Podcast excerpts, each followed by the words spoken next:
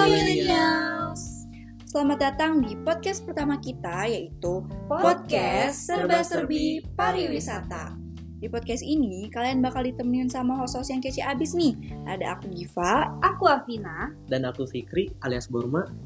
Keren nih, akhirnya kita bisa nge-podcast juga ya kayak orang-orang. Uya dong berkat tugas dari dosen kita tercinta, Bapak Teorama. Eh iya, sebelumnya kenalin kita bertiga mahasiswa dari jurusan Manajemen Pemasaran Pariwisata UPI. Hai hai, di sini ada anak pariwisata juga nggak? Salken ya, Salken. Di podcast pertama kita kali ini, kita bakal bahas topik yang menarik pakai banget banget banget nih. Wow, pakai banget banget gak tuh? Emang apa sih topik menariknya? Nah, jadi kita mau bahas tentang topik perencanaan dan pengembangan destinasi khususnya VPS, Visitor Planning Strategis. Eits, tapi sebelum kita bahas itu, aku mau kasih kuis dadakan dulu nih buat nguji seberapa pariwisatanya sih kalian. Kita kan mau bahas tentang Visitor Planning Strategis. Nah, ada kata-kata planning tuh. Pertanyaannya, kira-kira kalian sendiri tahu nggak sih perbedaan dari planning sama manajemen? Secara kan kalian anak manajemen pemasaran pariwisata, pasti tahu dong bedanya planning sama manajemen. Tahu dong, aku jawab nih ya. Jadi, manajemen itu dimulai dengan planning. Dan planning dimulai dengan penentuan tujuan. Singkatnya, planning itu berpikir, nanti gimana, bukan gimana nanti. Dan manajemen sendiri merupakan proses dari POSC atau planning, organizing, actuating, dan controlling. 100 mantap nih partner podcastku. Sekarang kita langsung masuk aja ya ke pembahasannya. Gift, kenapa sih VPS itu penting?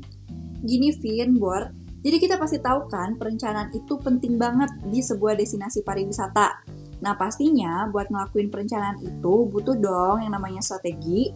Nah strategi itu namanya VPS. VPS itu penting banget untuk tujuan konservasi maupun untuk meminimalisir dampak akibat tingginya aktivitas aktivitas wisatawan di suatu destinasi pariwisata.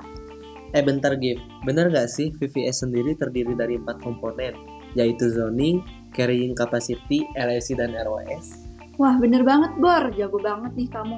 Yuk langsung aja kita kupas secara tuntas tiap komponennya. Dimulai dari zoning ya, atau zonasi, yaitu strategi pengelolaan lahan yang dapat diterapkan pada skala spasial yang berbeda.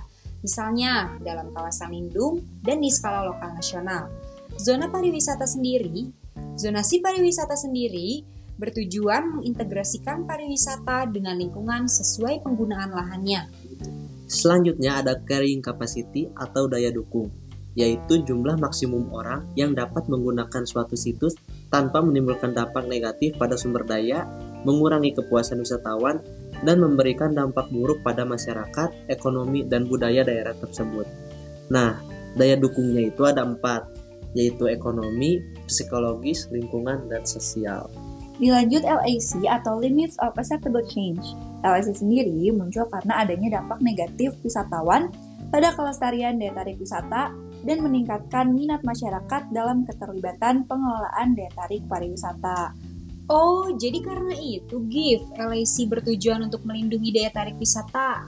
Bener, banget, Vin. Oke, terakhir nih, ada ROS atau Recreation Opportunity Spectrum.